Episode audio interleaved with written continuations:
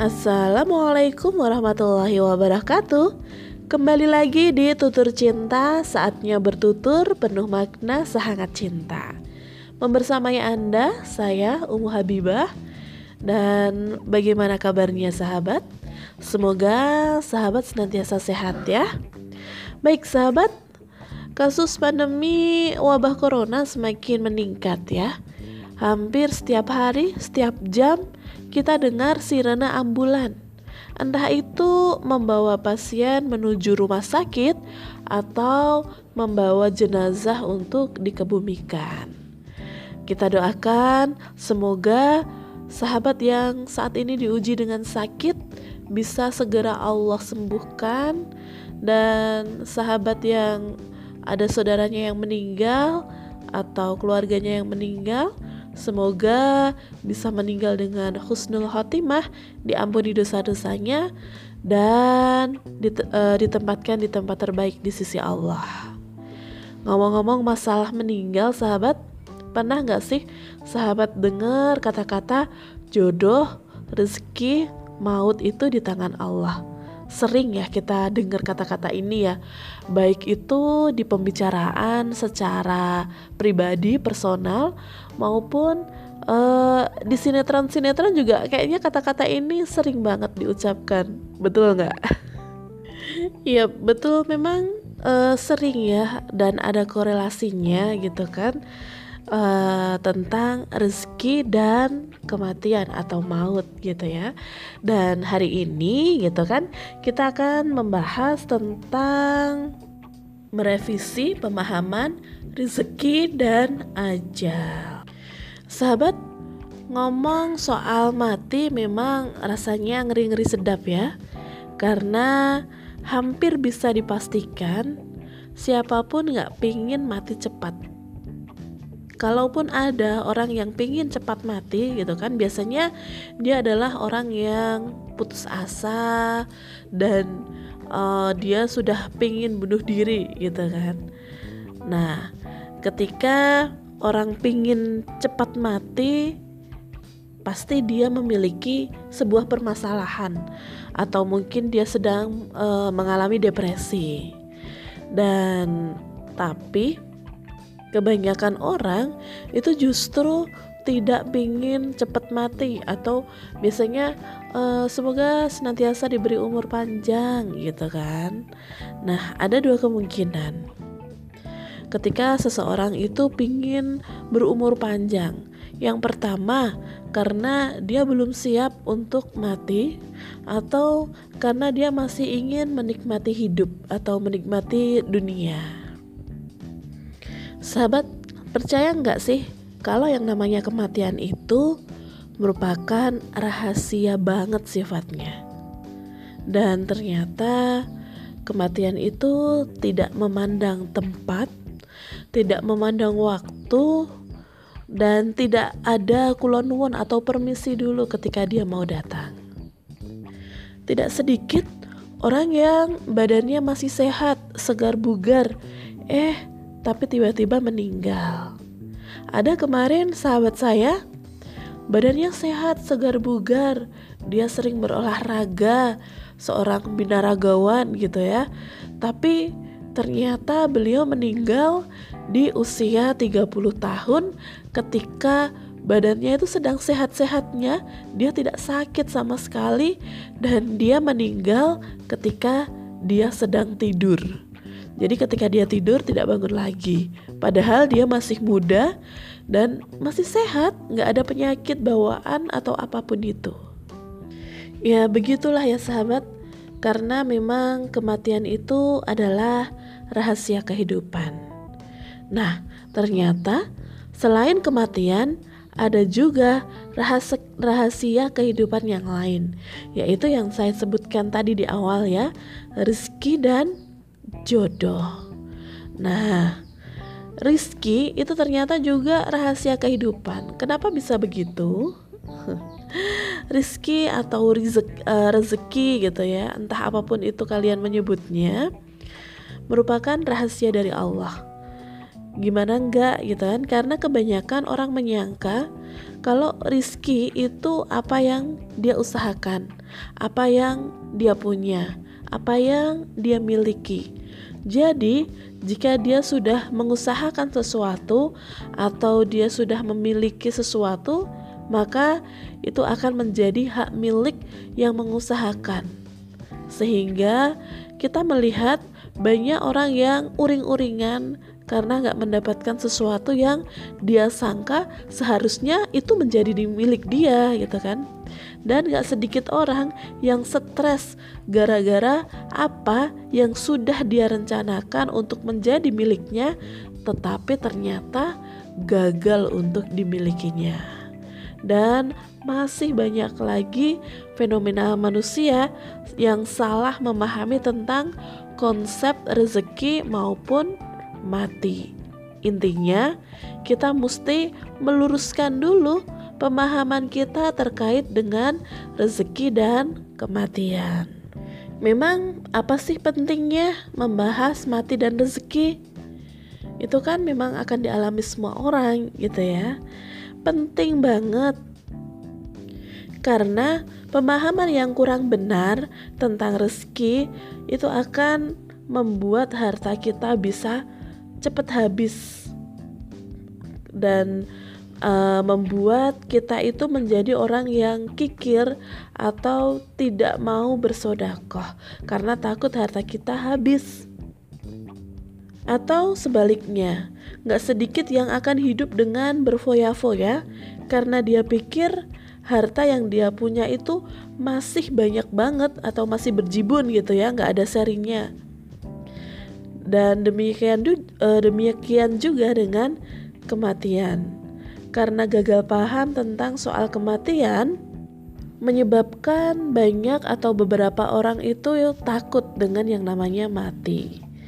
Atau sebagian lagi malah sok pede merasa dia akan hidup selamanya atau ada yang jadi parno atau ketakutan berlebihan gitu ya uh, sehingga akhirnya dia takut untuk bekerja, dia takut untuk melakukan segala sesuatu yang nanti uh, hal itu bisa dikhawatirkan membawanya kepada kematian. Maka dari itu, perlu kita memahami dengan benar konsep mati dan rezeki itu agar pemahaman kita itu benar sehingga tidak mengakibatkan uh, muncul atau perilaku-perilaku yang menyikapinya dengan tidak benar. Ya, meskipun terlihat sepele ya, pembahasan tentang mati dan rezeki secara benar menjadi sesuatu hal yang sangat penting dan urgent sekali. Sebab itu, kita harus bisa memahami dengan benar agar muncul penyikapan yang benar juga tentang dua hal itu tadi. Sahabat, kebanyakan dari kita punya pandangan kalau rezeki itu datang karena usaha kita.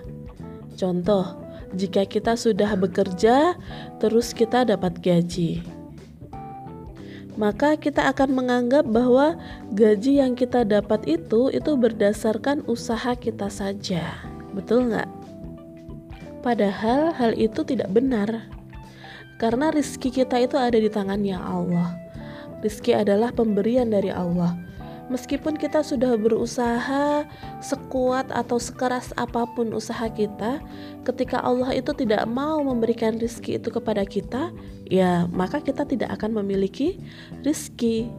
Meskipun kita sudah bekerja gitu ya, kalau Allah itu tidak mau memberikan rizkinya kepada kita, bisa jadi waktu pas gajian gitu ya ternyata pabrik kita mengalami pilot gitu dan akhirnya menunda gaji yang harusnya keluar pada hari itu kan bisa begitu juga ya jadi yang namanya rizki itu bukan uh, berdasarkan usaha kita saja, tetapi usaha kita itu adalah menjadi perantara datangnya rizki, gitu ya. Dan uh, rizki itu adalah pemberian dari Allah. Jadi ketika kita mencari rizki, maka kita harus mengetuk pintunya dulu. siapa yang mau ngasih rezeki pada kita yaitu Allah gitu kan jadi kita harus meminta dulu sama Allah baru kemudian kita berusaha nah dengan usaha yang kita lakukan insya Allah Allah akan menurunkan rezeki yang banyak kepada kita atau rezeki yang cukup untuk kita bahkan seekor semut yang hidup jauh di dalam lubang yang gelap itu saja mendapatkan rizki dari Allah. Dia bisa makan karena rizki dari Allah. Di dalam Quran surat Ali Imran ayat 37 Allah berfirman yang artinya maka Tuhannya menerimanya sebagai nazar dengan penerimaan yang baik dan mendidiknya dengan pendidikan yang baik dan Allah Subhanahu wa taala menjadikan Zakaria pemeliharaannya. Setiap Zakaria masuk untuk menemui Maryam di mihrab, ia dapati makanan di sisinya. Zakaria berkata, "Hai hey Maryam, dari mana kamu memperoleh makanan ini?" Maryam menjawab, "Makanan itu dari sisi Allah Subhanahu wa taala." Sesungguhnya Allah Subhanahu wa taala memberi rizki kepada siapa saja yang dikehendakinya tanpa hisap. Jadi sahabat, ketika kita sudah berusaha sekuat tenaga, kita sudah bekerja dari pagi sampai malam atau kita sudah bersusah payah gitu ya mengupayakan untuk uh, menghasilkan uang gitu kan. Jangan pernah berputus asa karena rezeki itu merupakan pemberian dari Allah. Sehingga ketika kita sudah berusaha, kita sudah uh, berupaya untuk mendapatkan rizki, maka uh, selanjutnya adalah kita bertawakal kepada Allah, kita serahkan kepada Allah, dan kita minta kepada Allah untuk Allah memberikan rizkinya kepada kita. Nah, kemudian kita akan membahas tentang kematian atau ajal ya dan pembahasannya nggak akan beda jauh ya. Kalau selama ini orang memahami bahwa sakit, kecelakaan, bunuh diri, dan sejenisnya adalah menjadi penyebab datangnya kematian, maka bisa dikatakan atau bisa dipastikan itu merupakan suatu kesalahan. Kenapa? Karena pemahaman yang benar bahwa mati adalah sampainya ajal kepada seseorang. Nah, jadi siapa saja yang ajalnya sudah sampai gitu ya, maka dia akan mengalami mati. Entah itu datangnya e, melalui sebab sakit, kecelakaan, atau bunuh diri. Tapi ingat ya, kayak kecelakaan, sakit, dan bunuh diri itu hanya kondisi pengantar, bukan menjadi sebab datangnya kematian. Bukti nyata kalau mati bukan itu sebabnya sudah banyak nampak di depan kita. Ada orang yang sehat yang seperti tanya saya bilang tadi ya, sahabat saya yang awalnya sehat saja tapi bisa tiba-tiba meninggal. Ada yang orang kecelakaan yang menurut perkiraan dia itu harusnya mati, tapi ternyata dia tidak meninggal, tapi hanya mengalami luka-luka saja. Jadi, sahabat, yang namanya mati adalah berakhirnya ajal seseorang karena Allah Subhanahu wa Ta'ala telah mengambilnya. Nah, kapan saja Allah mau, mau ngambil gitu ya, ya bakalan diambil oleh Allah. Entah itu kita dalam kondisi apa pun, uh, waktu kapan pun, ketika Allah berkehendak untuk mengambil, ya maka kita harus bersiap. Mau tidak mau memang harus siap. Di dalam Quran surat Ali Imran ayat 145, Allah Subhanahu wa taala berfirman yang artinya sesuatu yang bernyawa tidak akan mati melainkan dengan izin Allah Subhanahu wa taala. Sebagai ketetapan yang telah ditentukan waktunya, barang siapa menghendaki pahala dunia, niscaya kami berikan kepadanya pahala dunia itu. Dan barang siapa menghendaki pahala akhirat, kami berikan pula kepadanya pahala akhirat itu. Dan kami akan memberi balasan kepada orang-orang yang bersyukur. Jadi, mati itu merupakan uh, ketetapan dari Allah gitu ya. Jika Allah sudah menentukan bahwa ajal kita sampai sekian waktu, maka ketika Allah mau mengambil ya itu sudah terserah Allah gitu ya karena Allah yang memiliki diri kita. Nah, sekarang yang menjadi pilihan kita adalah kita mau meninggal dalam kondisi apa? Kita mau meninggal dalam kondisi husnul khotimah atau kita mau meninggal dalam su'ul khotimah gitu ya dalam kondisi su'ul khotimah mau meninggal dalam kondisi baik atau mau meninggal dalam kondisi buruk. Nah itu menjadi pilihan kita. Ketika kita mau e, meninggal dalam kondisi baik berarti ya kita harus nantiasa berada di jalannya Allah gitu ya. Harus bertingkah laku sesuai dengan kemauan atau perintahnya Allah. Tapi ketika kita mau mati dengan suul khatimah mati dalam keadaan yang buruk ya terserah kamu mau ngapain. Nggak usah pedulikan uh, apakah Allah melarang atau tidak. Apakah sesuai dengan uh, keinginan Allah atau enggak jadi sahabat, kita harus mempersiapkan kematian kita. Kalau kita ingin mati dalam kondisi baik ya tadi ya kita harus senantiasa berbuat baik gitu ya. Karena kapan pun waktunya ajal itu datang itu sepenuhnya adalah hak prerogatif dari Allah gitu ya. Kita tidak bisa menawar, kita tidak bisa meminta maju atau meminta mundur.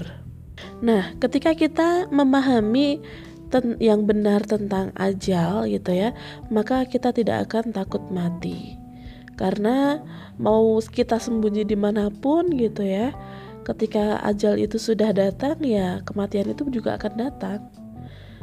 Tapi demikian pula sebaliknya, kalau memang belum waktunya ajal kita itu datang, kita sudah ber apa uh, ada orang yang berupaya se apa ya sekeras mungkin untuk meninggal misalkan sampai loncat dari gedung gitu ya.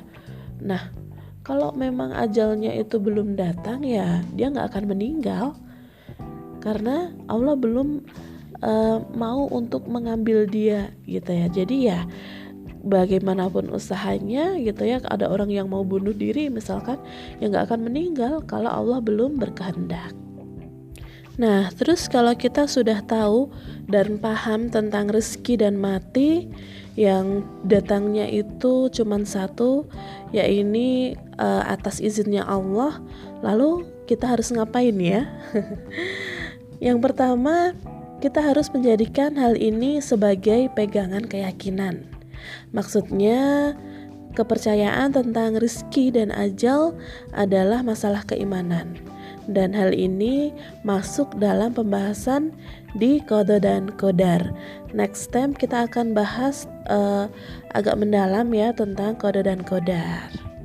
Yang kedua, jika kita memahami dengan benar konsep rizki dan ajal, maka kita nggak perlu takut. Maksudnya nggak perlu takut kita nggak perlu takut dengan datangnya ajal. Karena setakut apa pun ajal uh, setakut apa pun kita dengan ajal gitu ya pasti dia tetap akan datang. Bahkan ketika kita bersembunyi di dalam benteng yang kokoh sekalipun jika ajal kita sudah datang ya kita bakal berjumpa dengan ajal. Jadi kita tidak perlu takut dengan yang namanya ajal dan dengan rizki pun juga sama kita nggak perlu takut kita nggak bakalan dapat rizki dari Allah karena rizki tiap-tiap dari kita sudah dijamin oleh Allah Subhanahu Wa Taala kemudian yang ketiga Mari kita bersungguh-sungguh dalam beribadah. Kita harus lebih serius lagi ketika beribadah, lebih fokus lagi. Kita lakukan dengan niat dan cara yang benar agar berbuah pahala dan menjadi atau menambah pundi-pundi pahala kita. Baik sahabat, demikian pembahasan kita ya tentang ajal kematian atau uh, dan rezeki gitu ya. Jadi nggak perlu takut, nggak perlu khawatir lagi tentang rezeki maupun ajal, karena memang semuanya itu sudah ditetapkan oleh Allah kapan datangnya dan kapan perginya Iya nggak sih? Baik, demikian uh, perjumpaan kita di kesempatan kali ini. Semoga bermanfaat dan tetap stay tune di Tutur Cinta. Saatnya bertutur penuh makna, sehangat cinta. Saya Ummu Habibah undur diri. Terima kasih sudah menyimak. Wassalamualaikum warahmatullahi wabarakatuh.